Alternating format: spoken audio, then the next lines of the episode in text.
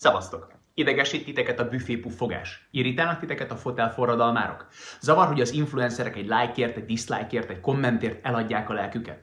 Vagy pedig olyan tartalmak mellé vagy mögé állnak, amitől legszívesebben felrobbannátok? Mi lenne, hogyha változtatnátok ezen? Mi lenne, hogyha ti alakítanátok a közbeszédet? Mi lenne, hogyha beleszólnátok a politikába?